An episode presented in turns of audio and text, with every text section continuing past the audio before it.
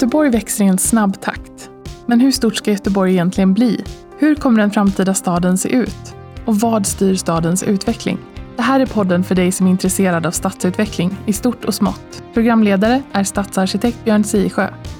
Välkomna till Götepodd och det nya avsnittet ska handla om attraktivitet. Hur skapar vi en stad som attraherar både människor och företag? Eh, det är ju en bra fråga. Är det olika saker? Är det, är det, är det, är det viktigt? Jag har med mig Henrik här idag, Henrik Einarsson, etableringschef på Business Region Göteborg. Välkommen Henrik! God morgon, tack! Jag har också med mig Maria Fuxborg, eh, näringslivschef på Västsvenska Handelskammaren. Ja, hej. Välkommen! Tack så mycket! Ja. Eh, Maria, vad gör man i ditt jobb? Det är, handlar ju om att eh, företräda västsvenska företag. Västsvenska Handelskammaren har ju 3000 medlemmar. Eh, och eh, min roll är att, att eh, sammanställa alltså, behov, hur vi kan påverka politiker politikerna att ta rätt beslut som gynnar utveckling, eh, tillväxt för västsvenska företag. Så både en form av påverkansarbete men också mycket ambassadörskap för vår region, eh, västra Sverige. Och då är det ju från Varberg i söder upp till, till hela Västra Götaland. Så ni är en medlemsorganisation för företag i Precis Göteborg som så. väljer att gå med? Mm. Ja. Eh, och, och, och, Henrik, vad, vad, vad, är, vad är Business Region Göteborg? Det låter nästan likadant de här två grejerna. Ja, vi är kommunens näringslivssekretariat kan man säga, eller näringslivsdepartement, hur använder det ordet. Så vi arbetar på kommunens uppdrag. 13 kommuner i Göteborgsregionen ansvarar för näringslivspolitiska frågor som kommunerna vill driva. Och min roll är framförallt att eh, jobba med att marknadsföra Göteborg som etableringsort och hjälpa företag att eh, etablera sig i Göteborg. Okej, privata sektorn, offentliga sektorn, lite samma eh, uppdrag ändå, fast åt olika. Eh, du jobbar åt kommunerna säger du Henrik och du jobbar åt företagen i, i regionen då egentligen? Ja, det kan man säga. Och det är ju jättepositivt att vi är flera aktörer som kan jobba med de här frågorna ur lite olika perspektiv. Det stärker ju vår, vår sak och, och resultatet i slutändan. Mm. Ni pratar mycket om företag här, eh, och, och liksom, men det är väl inte alltid rätt att attrahera ett företag? Eller? Jag, jag tänker på Malmö där man stod, stod inför valet då och blev stödregion och, och, och tar till sig en jättestor lättviktsdieseltillverkare från Japan. Eller utveckla, eh, utveckla eh, eh, Västra hamnen och göra en stadsdel av den. Där tog man ju ett beslut som gick ut på att man kanske inte ville attrahera just det företaget till varje pris. Men vad säger ni om det då? Jag tänker så här, om utgångspunkten är eh, skapa god livskvalitet för medborgare och invånare och företag. Om man har det helhetstänket, då kan man navigera med, i de här besluten och, och, ta beslut som gynnar både... För det, Eh, företag innebär ju arbetstillfällen. Och arbetstillfällen och jobb är ju goda förutsättningar för att många människor ska må bra och ha möjlighet att skapa sig själv förutsättningar. Så det är en balansgång. Eh, men jag tycker att man ska se god livskvalitet för företag och människor. Om man har det helhetssynen så tar man rätt beslut i den frågan som du lyfte. Nu vände jag på det när jag pratade om tidigare som människor och företag. Det kanske är oviktigt. Men så, så vad Henrik, vad har du för kommentarer på det här? Ja, men all sån här samhällsplanering det handlar ju om avvägningar som man behöver göra. Och det är klart att det inte i alla lägen att du ska liksom prioritera att, eh, att eh, en företagsetablering framför bostäder. Utan det handlar ju liksom mycket om att förstå platsen, förstå förutsättningarna och sen behöver vi som stad skapa förutsättningar för både näringsliv och liksom attrahera kompetens och invånare samtidigt, men kanske på olika platser. Och där har vi väl en, en annan polaritet. Det kanske inte alltid är så att man ska prioritera bostäder till varje pris framför, framför god stadsbyggnad. Eh, för bostäder är ju bara en aspekt på hur man har det i livet. Självklart måste man ha en bostad. Men man måste också leva i en bra stad med, med rimligt, eh, rimligt ren luft och, och eh, ställen där man kan vara med sina barn kanske och, och eh, trygghet och allt det där. Så att bostäder är ju liksom en komponent i det där. Va? Men Sen har vi också den aspekten som vi, eh, som, som vi pratar ganska mycket om. En attraktiv stad som folk har lust att komma till, som, som folk har lust att bo i. det gör ju också att företagen kan locka till sig folk som, som vill flytta hit och jobba. Eller vad säger du Maja? Ja, jag håller med. Och klarar man då också som, som stad eller region att tänka att man ska ha en attraktiv Eh, plats för företag att etablera sig. Att vi klarar av att hålla dem, båda de två tankarna samtidigt så gynnar det varandra. Det finns inget motsatsförhållande. Sen är det klart att vi behöver prioritera ibland. Men, men jag vill eh, vidhålla att, att tänka. För finns det inga företag finns det inget arbete och då kanske inte människor har råd att betala sina boenden. Då behövs inga bostäder. Så börjar vi tänka på både, bara det ena eller det andra så, så, så faller det. Men, men, eh, attraktivitet, kultur, natur, hälsa, allt det där. Eh, ja, vi får möjlighet att prata om det. Men det behöver ju in och eh, ja, vi behöver tänka både och. Jag ger mig inte. Mm. Henrik, du viftar lite med din arm här och var lite så mm. Nej, men Det blir ju lätt en hönan och ägget diskussion. Va? Och eh, det är ju självklart att vi, vi måste attrahera talanger och det är något som vi båda jobbar med tillsammans i, i, i Motor Gothenburg och vi driver International House där vi jobbar just med talangattraktion och, och det gör vi för att vi ser att det genererar tillväxt. Det genererar sedan företagande och att befintliga företag kan växa bättre. Så att talangattraktion och attraktion av företag och etableringar, det går hand i hand. Och liksom men hur är det med, med Börje då som, som snubblar på treans vagn i Kaptensgatan lindrigt nykter? Mm, hur, hur ska vi förhålla oss till de människorna som aldrig blir några attraktiva arbetskraft för, för företagen och sånt? De är visst attraktiva. Ja, jo, men jag tror det finns en möjlighet för Börje. Är vi i en bra stad så skapar vi en möjlighet för honom. Det, det, det ingår i hela paketet. Vad säger du Henrik? Ja, men jag håller med. Alltså det, det, vi ser är ju liksom ett väldigt brett diversifierat näringsliv som ska skapa faktiskt, då, vårt mål i här att skapa 120 000 nya jobb och det är för att vi ska få jobb till alla göteborgare, inklusive Börje. Mm. Och, och, ehm, om, om Börje får lite hjälp på vägen så att säga, så se till att han kommer upp på morgonen i rätt tid och, och till sin arbetsplats. Tittar man då på de här stora etableringarna och låt oss ta en batterifabrik då som, som vi har pratat om, men det är ju fantastiskt med flera tusen anställda. Och då, då är det ju, det, blir, det är ju jobb i hela värdekedjan. Du har, behöver den här spetskompetensen, men, men det är också eh, Eh, jobb som, som eh, behöver göras som kanske med en, en gymnasieutbildning och en, en yrkeshögskola. Ja, men vanlig knegar. Mm. Mm. Och även serviceyrken. För vid sidan av de här jobben som batterifabriken genererar så genererar det ju ännu fler jobb eh, runt omkring. Vi brukar väl säga eh, gånger tre. Eh, brukar vi inte det, Henrik? Att, att det, det genererar ännu fler jobb runt om.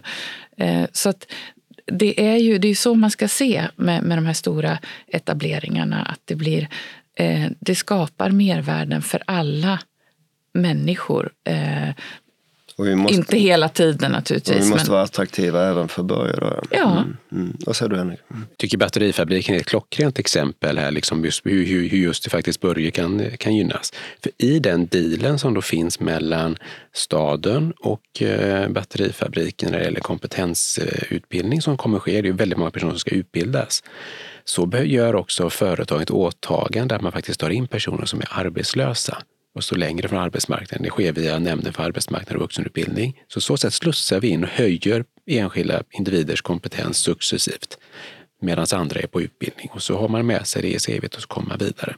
Så att det är ju så eh, hela systemet funkar. Eh. Den här batterifabriken, den är ju den är ju ett komplex som är så stort som man nästan inte förstår det. Det är, det är ju jätteyta på norra Hisingen som kommer att tas upp av Northvolts satsning ihop med Volvo. Eh, varför kom den till Göteborg och inte någon annanstans? Ja, den första kom ju till Skellefteå som var en helt annan stad. Men varför kom den här till Göteborg? Då? Alltså man ska komma ihåg att det var över 40 kommuner i, och platser faktiskt i, i, i, Norden som var med och tävlade om den här batterifabriken och kom med olika förslag. Så det var inte alls givet från början att den skulle hamna i Göteborg.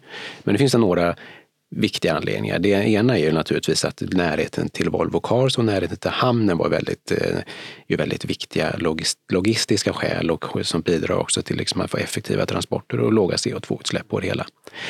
Eh, men anledningen tror jag att den kom till Göteborg är ju flera. Det är att vi lyckades få fram mark och möjliggöra mark i, som gick att bebygga in, inom den tidplanen. Och nu blev, hade ju Volvo själva då tillsammans med AB Volvo ett område som man kunde köpa ut och vi kunde liksom faktiskt se att här kan vi gå fram med en detaljplan väldigt, väldigt snabbt. Jag tror det tog tio månader att få fram. Det är ju rekordsnabbt. Det där krävs ju liksom att man ser, alla behöver se möjligheten. På den här platsen går det. Och det gjorde både kommuner och företaget. Och det tredje, är, som jag tror också bidrog till det här, det, det är ju faktiskt att vi hittade synergier eh, som var väldigt attraktiva. Dels då i form av kompetens som finns i regionen, men också i form av tekniska lösningar och inte minst i form av det här tekniskt vatten som vi kan förse fabriken med. Det vill säga vi tar göteborgarnas avloppsvatten som renas på vårt reningsverk och innan vi skickar ut i havet så skickar vi upp det till Volvo och den nya batterifabriken och använder det för kyla fabriken. På så sätt så minskar ju det elbehovet och vi får en väldigt, väldigt miljömässigt smart lösning som bidrar till lägre CO2-tryck helt enkelt. Och det är inte så många städer som kunde erbjuda det, om ens någon i Europa. Nej, okay. Vi hade en tomt, vi hade tekniska lösningar. Var det allt då, Maria? Mm. Framförallt så har vi ju en, en, en framgångsrik, konkurrenskraftig internationell industri som behövde det här. Det vill säga att Volvo har ju kunnat utvecklas på det sättet som de har gjort. Det är ju också en förutsättning för att, att nästa investering ska ske. Och att hamnen har fortsatt goda förutsättningar att spela den rollen för, för Skandinavien och Europa som den gör. Så det, det är vid sidan av, som adderar till allt det, det Henrik säger, också lyfta vikten av att vad det krävs för oss att vara rädd om den industri vi har. Mm. Jag tror okay. också det finns, alltså en av Göteborgs fördelar det är ju liksom att när vi ser en möjlighet så har vi en förmåga att samla oss och samarbeta för att nå målet. Och här har man ju samarbetat med Länsstyrelsen, med Västra Götalandsregionen, alla enheter i kommunen och ställt upp liksom en effektiv och agil process i någonting som vi inte förutsåg. Vi visste inte att det här skulle komma, men vi lyckades ändå möta det med en detaljplan på tio månader. Det, det, det är den här kollektiva eh, ansträngningen och kollektiva målbilden till att vilja lyckas som jag tror har varit väldigt viktig. Men alltså, det är, nej men det är ju viktigt. Och det här som du också snuddade vid, det att det finns en stor arbetsmarknad i Göteborg med, med, med, med folk med, med, med utbildning som har lust att byta jobb ibland. Eh, det är ju, där ligger Skellefteå i ett annat läge. De har ju, de har ju svårt att, att på något vis skapa de förutsättningarna. Men sen, eftersom det här handlar om attraktivitet, betyder det någonting i sammanhanget att Göteborg är en attraktiv eller inte en attraktiv stad som som, ja, men det är inte bara en batterifabrik utan det är också ett forskningscenter som Novo har satt här. Eh, och där ska, behöver du ha liksom de världsledande forskarna för hur ska vi bygga framtidens batterier. Så en viktig fråga var ju internationell skola och eh, hur tar vi emot internationella talanger och var vill de bo? Har vi boendemiljöer? Har vi tillräckligt mycket bostäder? Hur ser planerna ut? Allt det här gick Northvolt och Volvo igenom extremt noggrant. Om vi nu pratar näringslivet som ju ändå är, är, är era det är ju ert jobb att jobba med näringslivet. Vad är det som, vad är attraktivitet? Vad, vad är det som gör en bra stad att vilja etablera sig och expandera i och fortsätta verka i? Vad är det då? Mm. Nej, men alltså en väldigt viktig faktor som, eh, som driver företagen det är ju liksom tillgängligheten till mångfald och framförallt tillgängligheten till specialiserad mångfald.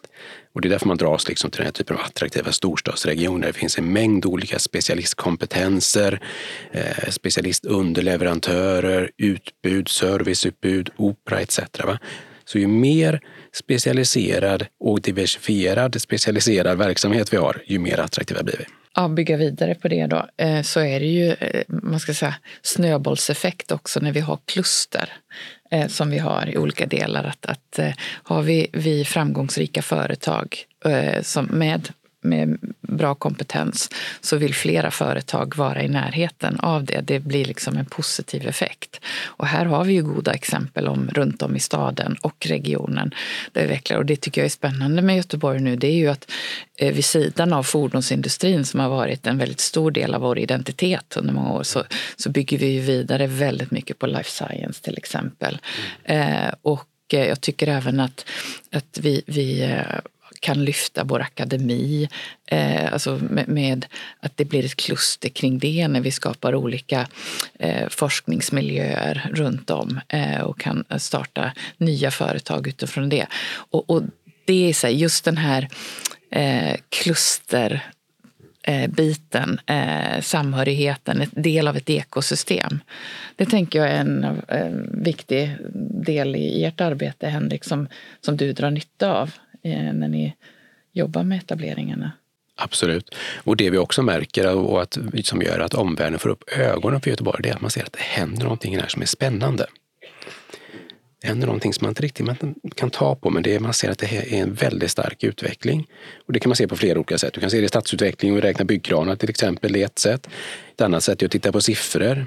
Då ser du att tillväxten i Europa de sista tio åren har legat på i snitt 13 procent. USA då, som är dubbelt eh, så, som ofta liksom har en högre dynamik, de ligger på ungefär dubbelt så hög tillväxt, 26 procent. Göteborg ligger på 65 procent. Det är ju liksom det är alltså dubbelt, om, om vi tar det från början. Mm, mm. USA är dubbelt Europa. Göteborg, då får du dubbla USA och, lite, och lägga på 12 procentenheter till. Då är du nästan på kinesisk tillväxttakt. Så här händer ju någonting i näringslivet som, som inte bara är byggkranar på stan utan det händer mycket mer fundamentalt. Som är intressant, det lockar, det väcker, upp, väcker uppmärksamhet. En, det finns två stora drivkrafter för detta som vi ser. Då. Det ena är ju omvandling mot en liksom mer kunskapsbaserad industri och ekonomi. Den har pågått under 20 år. Den har vi mött väl med stadsplanering. Det andra är liksom den stora gröna industriomställningen som sker nu. Där batterifabriken tycker jag är liksom det mest konkreta exempel. Men det sker i alla branscher här samtidigt. Det är enorma investeringar som ligger och rullar och ut just nu. Göteborg har ju gått som tåget genom 00-talets europeiska kris och genom alla, alla, alla kriser vi har haft.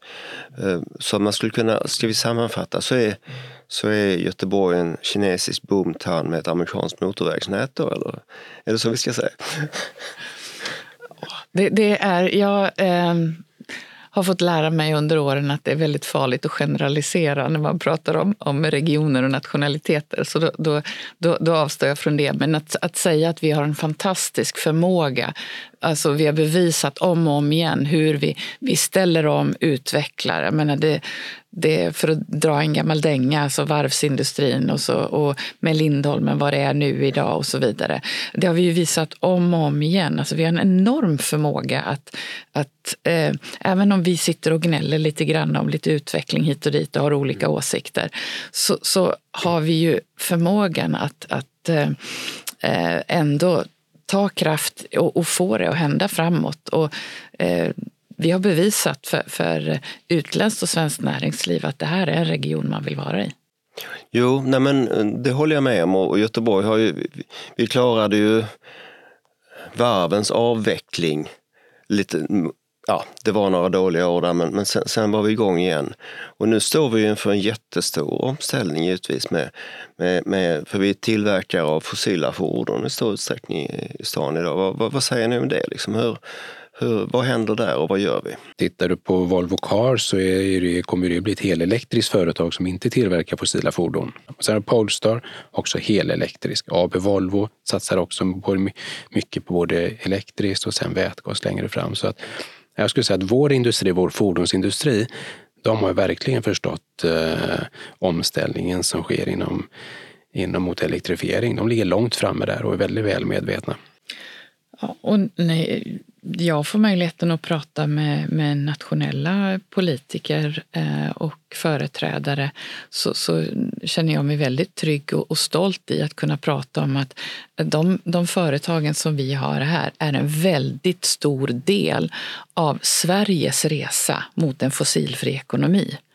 Eh, så att eh, det är ju, jag menar, kan du med, med fossilfritt stål utveckla fordon som är helelektriska och som drivs på grön förnybar eller fossilfri ekonom, eh, bränsle så, så, så, har vi ju mycket av, eh, av, av den eh, utmaningen med utsläppen eh, hanterat.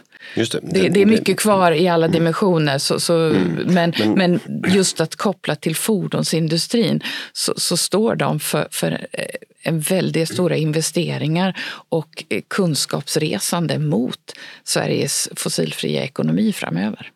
Det är härligt att höra för att annars har man ju fått uppfattningen att europeisk biltillverkning handlar om, om fusk och fossilkramande i, i stor utsträckning. Eller hur?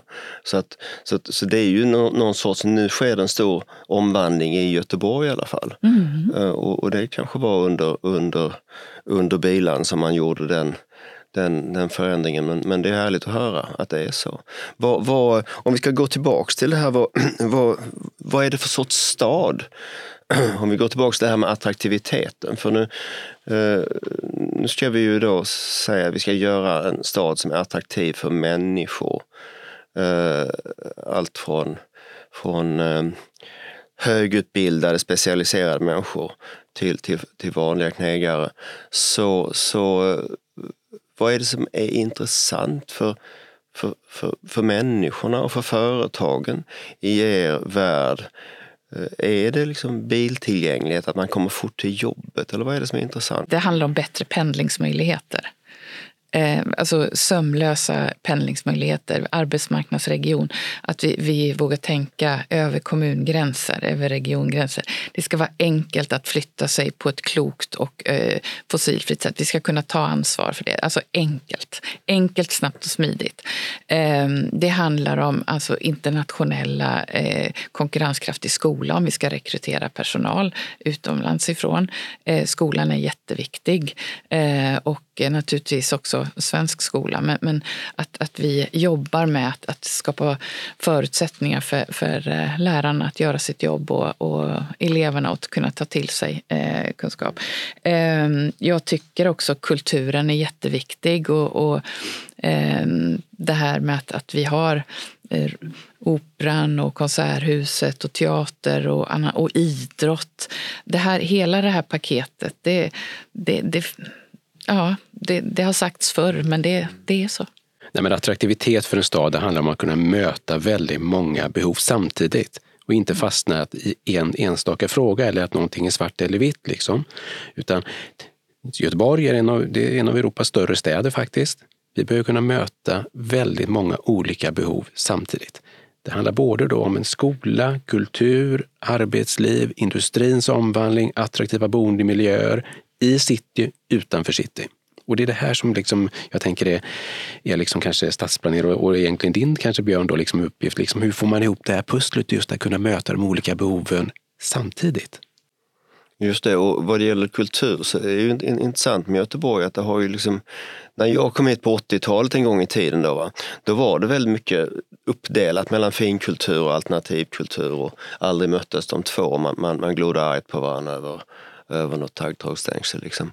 Men, men nu så upplever jag ju att, att Göteborg ändå har den, den kraften i all sorts kultur, att det blandas och, och ges. Och vad, vad säger ni, hur, hur, ser ni på det? Liksom? Vad, vad, vad, vad, tänker ni om Göteborg? Varför? Ja, självklart ska det finnas en skola åt ens unga och självklart så ska man kunna ta sig till jobbet, helst inte med bil för att då, då bygger vi ingen bra stad. Om man kommer hit till Göteborg för en anställningsintervju vad, vad tror ni folk tänker på? Vad tänker de? Vad är för och vad är emot? Vi har ju faktiskt gjort en del undersökningar om detta där man också har följt upp vad just till exempel eh, så kallade experts tycker, då, sådana som har kommit från utlandet i Göteborg. Och, då, och en sån parameter som då var bättre än vad de trodde när de kom hit, det var just kulturutbudet. Det är man nöjd med. Det var, det var till och med överpresterar vi. Så det ligger ju någonting i, i det här som, som är rätt intressant. Eh, saker som är, har varit svårare kan vara däremot att komma in och förstå svensk myndighetsutövning, komma in och få, få ett jobb för medföljande och den typen kan, kan vara svårare. Och det är därför som vi har jobb, satt in insats och börjat jobba med det.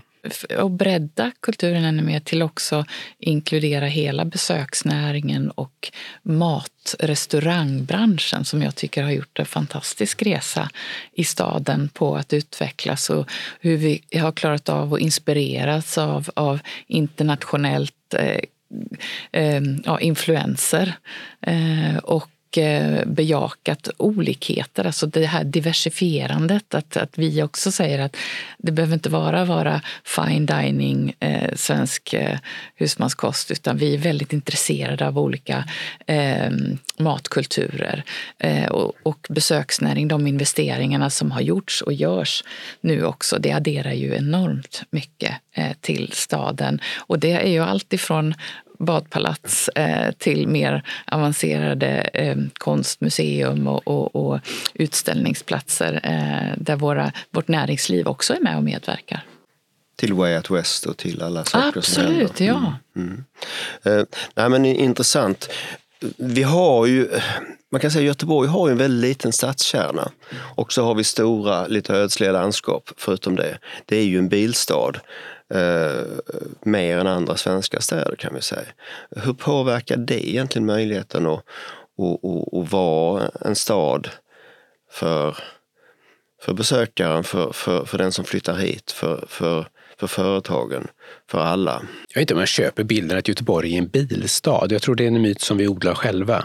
Mm, ja, men tittar man på siffrorna så, så, så om det är, statistik är ju Jo, men titta på också hur det ändras. Tittar du på andelen kollektivtrafikresande så var den ner på 24 procent 2003-2004 tror jag och den ligger någonstans på mellan 30 och 35 idag och, Absolut, och den ska upp mot 40. Så det här är bilder som ändras väldigt kraftigt. Mm. Och om, om vi frågar gemene man så tror jag inte de ser att Göteborg är en stad som man åker mer bil än i andra städer. Jag tror inte den bilden fast, finns för, hos gemene man riktigt. Fast det är det. Men, ja, men det är inte säkert att bilden finns. Ja, men, men det är ju en annan sak. Och, och, här, här skulle jag vilja fånga upp det du säger, eh, Henrik, om att det handlar om, om vilken bild ska vi odla själva. Alltså, ja, så här ser geografin ut. Absolut. Och eh, den här utvecklingen har vi gjort hittills. Men frågan är väl, vad vill vi vara framåt?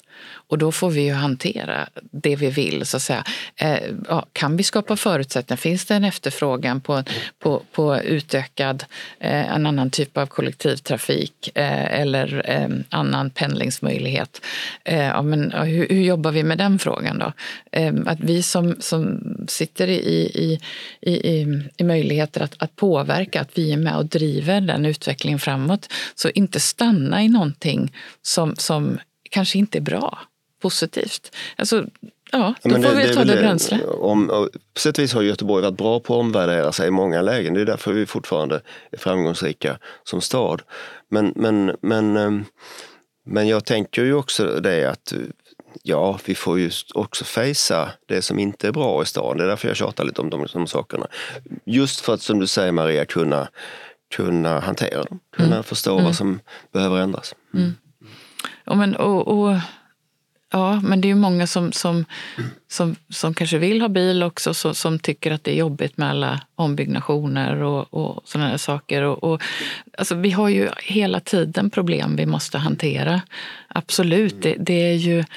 Vi, vi skulle ju inte vara trovärdiga om vi, vi sa att allting är bra och perfekt. Utan det är, men jag, jag vill hålla med Henrika. Jag tycker inte att, att vi är det har hänt så pass mycket och eh, jämför vi oss med, med många andra städer i Europa, till exempel i vår storlek, så tror jag nog att, att eh, vi kan titta på att vi kan röra oss på ganska många olika sätt, eh, förutom bilen. Bilen behövs absolut, vi, har, vi är inte framme ännu.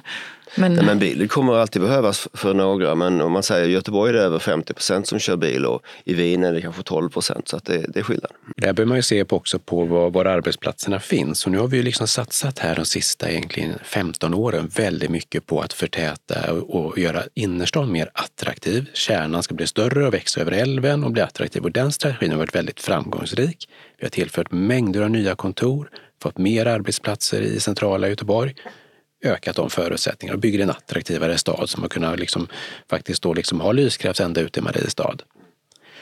Sen har vi ju kvar utmaningar. Det handlar ju faktiskt konkret om hur ser möjligheterna ut att ta sig kollektivt ut på Hisingen? Hur är kollektivtrafiken till Torslanda? Mm. Mm. Hur är den till Lundby? Och där har vi ju liksom konkreta utmaningar som, mm. som man behöver liksom lösa. Mm. Och, och sen, sen för så tänker nog alla som sitter runt det här bordet, ut på hissingen. Eh, eh, och hissingen håller ju på att bli det är ju där Göteborg city växer ut just nu med stora etableringar och med, med, med, med, med Backaplan där det ska bo 10 000 människor och, och massa sånt. Så att rätt vad det är så får vi sluta säga ute på Hisingen. Men du, och det gör mig så glad. vet du, vet du vi, det här har du och jag pratat om, om förr och jag har ju jobbat en stor del av mitt arbetsliv eh, på andra sidan älven eh, och åkt eh, tunnlar och eh, broar eh, all, med alla färdmedel eh, och eh, fått använda tid tiden, pendlingstiden till ett reflekterande. Men en del av en positiv utveckling på andra sidan älven eh, än vad vi sitter just nu är ju att inte att säga Göteborg och Hisingen utan Göte Hisingen är en del av Göteborg. En del av centrala Göteborg? Ja, ja, alltså precis som vi pratar om Vasastan så pratar vi om Hisingen men inte Göteborg och Hisingen. Så att om vi bara kan skaka hand, ska vi skaka hand på det Björn? Det gör vi. Det gör vi. Härligt! det gör vi.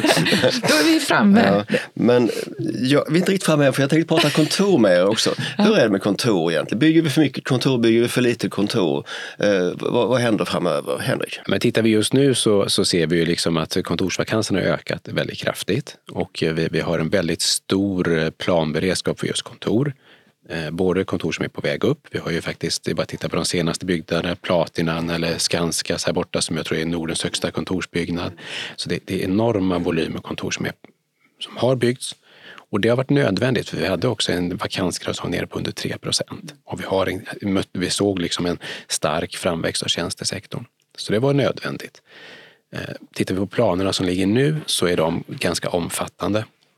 Så att eh, vi är väl rustade för att möta kontorsbehovet de kommande 5-10 åren i alla fall. Det tror jag. Stan växer, det behövs fler kontorsarbetsplatser. Samtidigt så, så, så har det gått från 50-talet och e-, ekpaneler och var och en sitter i sitt rum med sådana trafikljus. Liksom, eh, vän, eh, upptaget, vänta, kom in och sånt. Va? Till att nu sitter ju alla för det mesta i mötesrum eller någon annanstans. Man, man, arbetsplatsen är någonting man mellanlandar på så att säga, för många. Och, och så att man tar mindre plats som kontorsarbetare arbetsplats nu um, jag skulle vilja uttrycka mig så här och, och så om eh, just att tittar vi tillbaka så var ju, eh, med de låga vakansgraderna som du sa Henrik så, så, har vi också haft en enorm tillväxt i, i ekonomin och utveckling och etableringar och allt det här. Tittar vi framåt där vi är nu i konjunkturen så kan vi ju ana att, att det inte kanske kommer att ske i samma takt.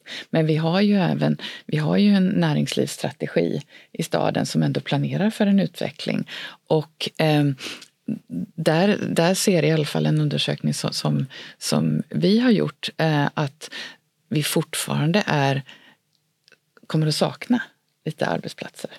Eh, och, och då, sen så får man ju ställa det så här också, vi är ju ett jättebehov av bostäder. Så att det handlar ju om, här får man ju, måste vi vara med, jobba med fingertoppskänsla uh, från ett stadsplaneringsperspektiv. Björn?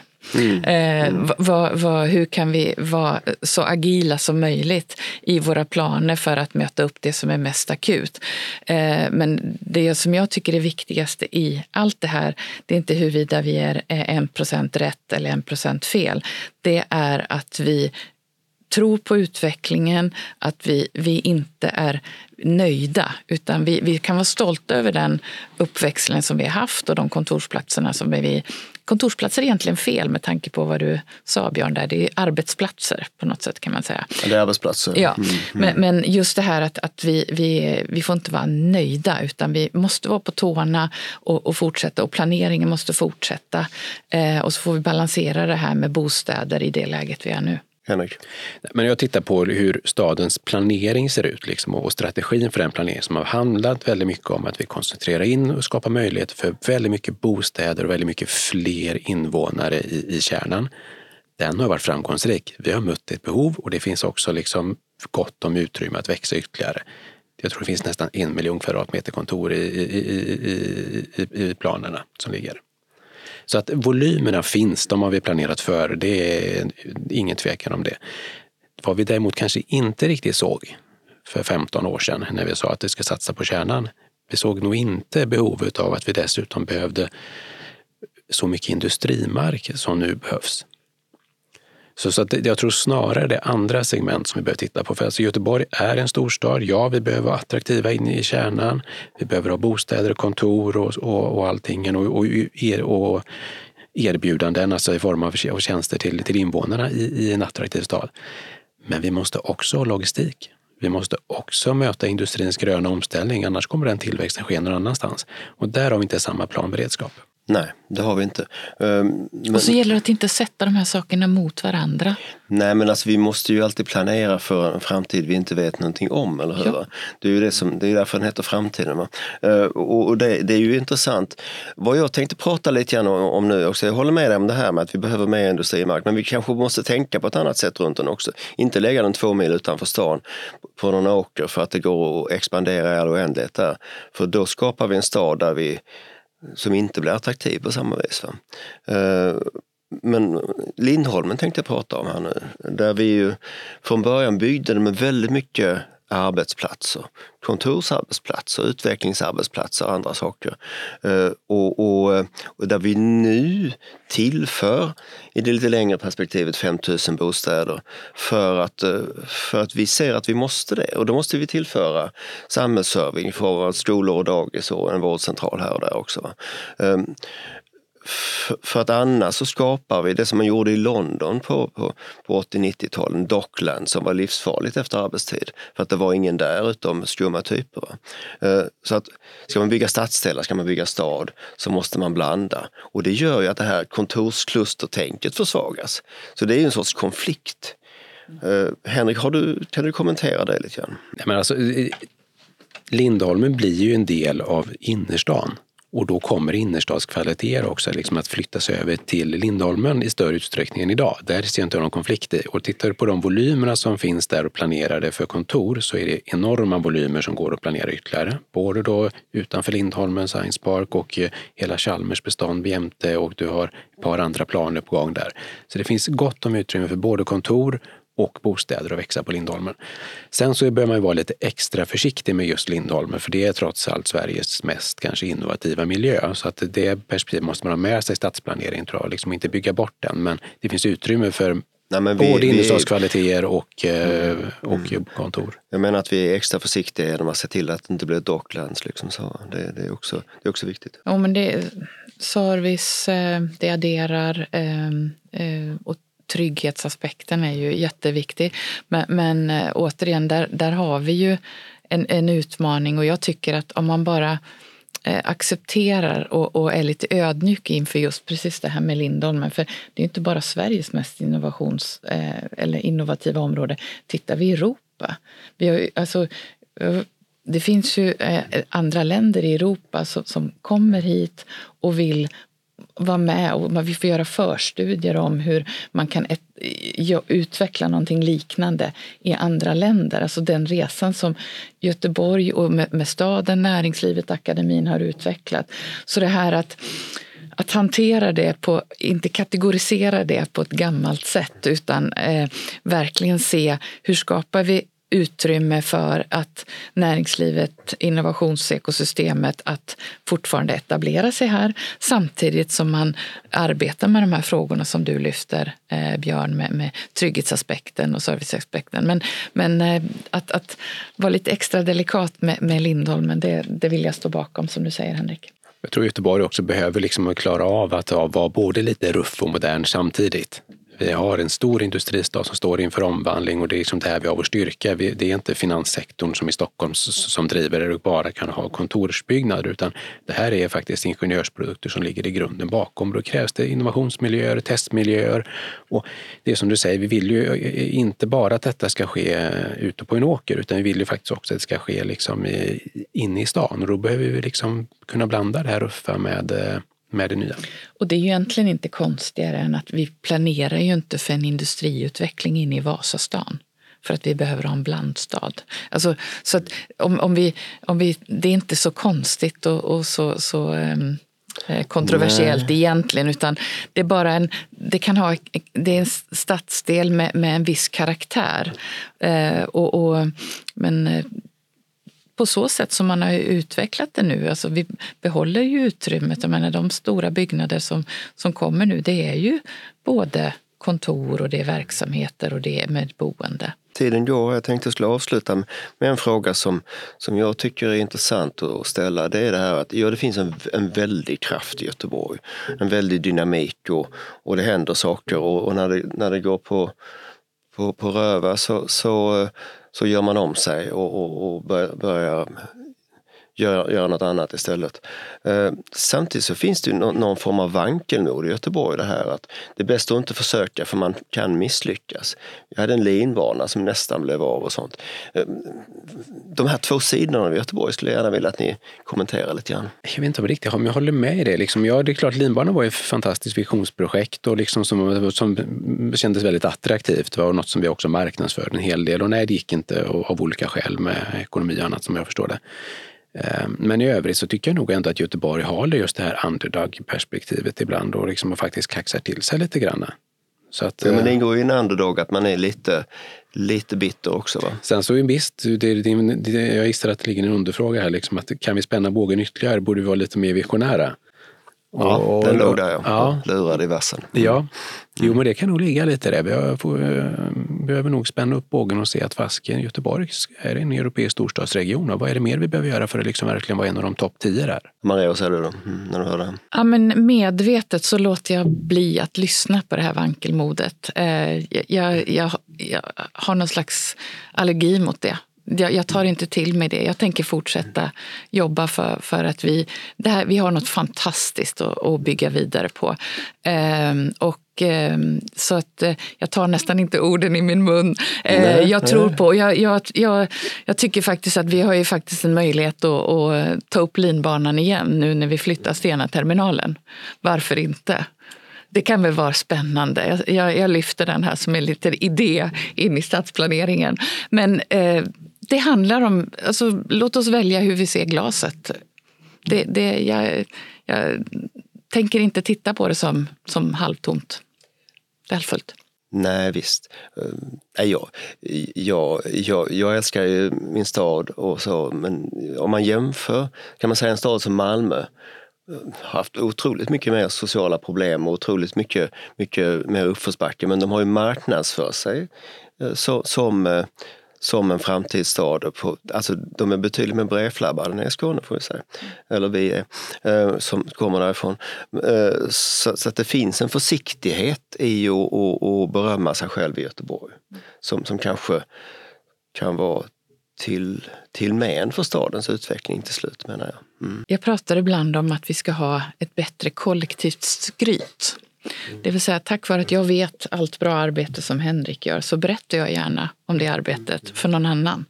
Ehm, det jag får insyn i näringslivet, jag berättar gärna om någon annan. Och om någon annan instans, företag tycker att, att vi gör någonting bra så berätta om Västsvenska Handelskammaren.